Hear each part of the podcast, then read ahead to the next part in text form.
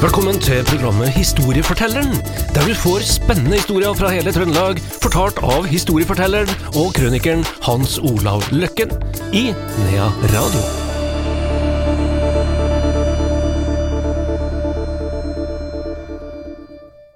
Vel møtt til et nytt program i serien Historiefortelleren, og vel møtt til deg, Hans Olav Løkken. Jo, takk du. Vi skal til Draksen, en del av eh, Selbu, Ja. mot, mot Klæbu, mot Trondheim. Det er det. Ja, kjent plass. Og vi skal tilbake til 1892, da han, eh, Edvard Husby fra Klæbu har tatt seg den derre lange veien over Stoggon og ned til Draksen og, og Selbu og sånn. Han, eh, han var vel på hestehandel. Han skulle av sted og kjøpe seg en hest. Han ble selvfølgelig vel mottatt. Det ble prata, det ble fortalt, og det var jo selvfølgelig gjensidig nysgjerrighet. Det var jo sånn på den tida. Å få besøk, det var noe stort, for da fikk du også nyheter, kalde sladder òg. Men det hadde du behov for. Kanskje ble det en dram òg. Det var i hvert fall ganske så sent. Og mørkt ble det, og regnet kom, og så rakstingene de sa vel som så at det vel best du blir over natta nå, da. Så han eh, Edvard Husby, han overnatta, og dro da tidlig om morgenen videre med den hesten han hadde kjøpt. Så han rir over Vindsmyra, og da hadde det begynt sånn som det er om morgenen, ikke sant, når du er på hytta alt mulig sånn, det er jo før sola får tak, så er det jo litt sånn skodde, litt tåke rundt omkring, og går du en tur, så blir det litt, veldig fort en sånn trolsk stemning. Ja, det der er, merker vi jo alle vi som er oppe om morgenen. Og da hadde han fulgt den gamle pilegrimsleia fra Tydalen, som gikk gjennom Selbu og ut mot Teigen og så, og så over til Nidaros. da. Så sitter han der på hesten sin, og hesten han finner jo veien sjøl, men han satt nok kanskje og tenkte på de her pilegrimene, i og med at han var på en sånn pilegrimsleie. Og han tenkte kanskje på alle som ble borte, og alle historiene og ryktet om de som ikke kom fram, men som kanskje fant ei grav i en bunnløs myr, for der forsvinner likene også hvis du begynner å grave dem ned. Det var litt nifst akkurat der han satt, og så plutselig så blir han tatt ut av tankene sine, for han hører gråt. Stanser hesten og skjønner liksom ikke hva dette her er for noe, lytter. Jau da, det var gråt, det var barnegråt. Så han bandt hesten, så gikk han litt opp i lia, da, bare noen få meter unna, og der fant han ei lita jente. Og hun hadde ganske så uvanlig navnet Ovedie. Det har jeg ikke hørt før, men det, det, det kan da vel ikke være trykkfeil, men Ovedie Strand het hun.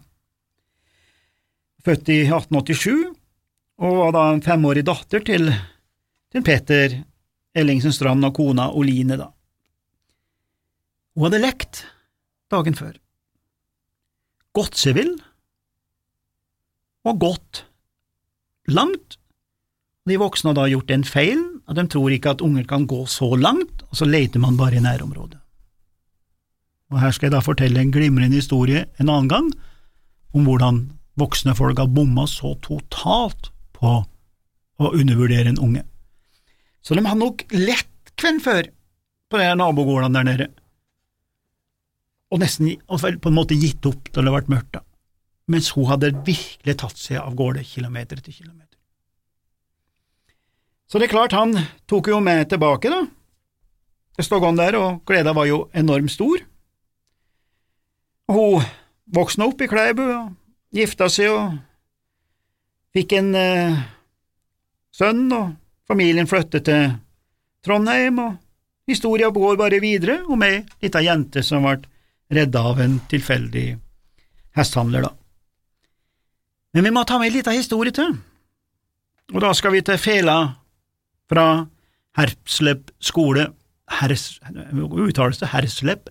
Det er jo ei gate som heter det der nede, og så var det en skole, men jeg tror ikke det er skole der lenger nå, men uh, Vi er, vi er i Oslo, ikke sant? ja, vi er i Oslo, ja. Mm. Det var i hvert fall barneskole, men om det ble noe videregående, om den er nedlagt, det tør jeg ikke, men, men gata heter i hvert fall det fortsatt. Og der var jo da en rektor Knut Jørgensen i hans tid, vi skal tilbake til 1940. Og da, når tyskerne okkuperte oss, så tok de altså bygninger, og gjorde om veldig mye skoler og bygninger til da skal vi si overnatting, altså til, til, til forpleiningsplasser for soldatene sine. De tok blant annet denne skolen her, og folk var da kommandert til å levere fra seg ryggsekker, radioapparater og telt og gummistøvler og alt mulig. Og der var altså han Reidar Morseth der nede, av en eller annen årsak, uten at jeg vet hvorfor han var der, for at han, så vidt jeg vet, så gikk han på lærerskolen de første to-tre årene av krigen, før, det, før den tragedien eh, kom til familien. Han gikk på Levanger. På Levanger, ja. Og, men han har antagelig vært i Oslo, kanskje han hadde en liten jobb eller noe sånt. men det gikk så fort når de måtte øh, rømme derfra, at han glemte, eller kanskje ikke fikk anledning til å ta med seg fela si. Så fela lå da igjen oppi ei hylle. Så kommer det tyske soldater inn, de skal ordne seg, og de åpna selvfølgelig skapene og se om det er noe her, for her skal det vise seg til utstyret vårt, og der finner da en soldat ei fele. Soldaten skjønte ikke att og fram på fela, om det hadde vært ei fløyte, så han antagelig ikke skjønte det heller, han hadde ikke noe rede på musikk. Men ved siden av kameraten hans så er det en som het August Mome, eller Måme, da, jeg er litt usikker, men la oss si Mome, da. Han var musiker, og han så med en gang at det her var ikke en hvilken som helst fele. Og fela, den var kommet da fra bestefar Olav Stuggedalen oppe i Tydalen, der da, og var jo ei veldig fin og ærverdig fele, som både var ei god fele, men som hadde den verdien som ei familiefele har, da. Så han herre August skjønte det, og han var musiker i et stort symfoniorkester i Tyskland, så han ville beholde fela. Og han herre eh, Unterstormfyreren, da, August Mohme, han ble forflytta litt i Norge, havna i Nord-Norge, senere kom han inn i et tysk militærorkester og reiste på kryss og tvers i Norge. Han var en av de heldige, privilegerte menneskene, fordi at til og med tyskerne hadde en sans for dette her med musikk og kultur og underholdning og alt mulig for soldatene sine, og de brukte jo ganske mange soldater i musikksystem og, og, og sånn. Var, så han var heldig, han vet du, fikk være med der istedenfor å være med på noe annet stygghet. Så kom freden, og han tok med seg fela til Tyskland. Spilte på. Men så ble han kristen, skjønner du. Baptist. Og samvittigheten tok han. Samvittigheten tok han. I hvert fall er det beskrevet sånn, da. Så han, som var med i flere orkester etterpå, han gnager sakte, men sikker sunn av sin egen samvittighet og vil levere fela tilbake. Så han sender da et brev den 8. september i 1983 til Orkester der Herslepp skole. Ja, det var jo ikke noe orkester, men han sendt dit, og får kontakt med skolen, og han herre Knut Jørgensen, som da på en måte har vare på alt det herre, og med sin dårlige samvittighet så ordner det slik at fela ble også ettersendt til skolen, som igjen da får brakt fela til en Reidar Morseth i Selbu, hans fele, som kom da nordover, sendt til medbonden i Selbu. Og Det sies da at da fela kom, så sto Morseth og vendte opp og ned og atter fram i flere minutter mens tårene trilla nedover kinnene på den gamle mannen.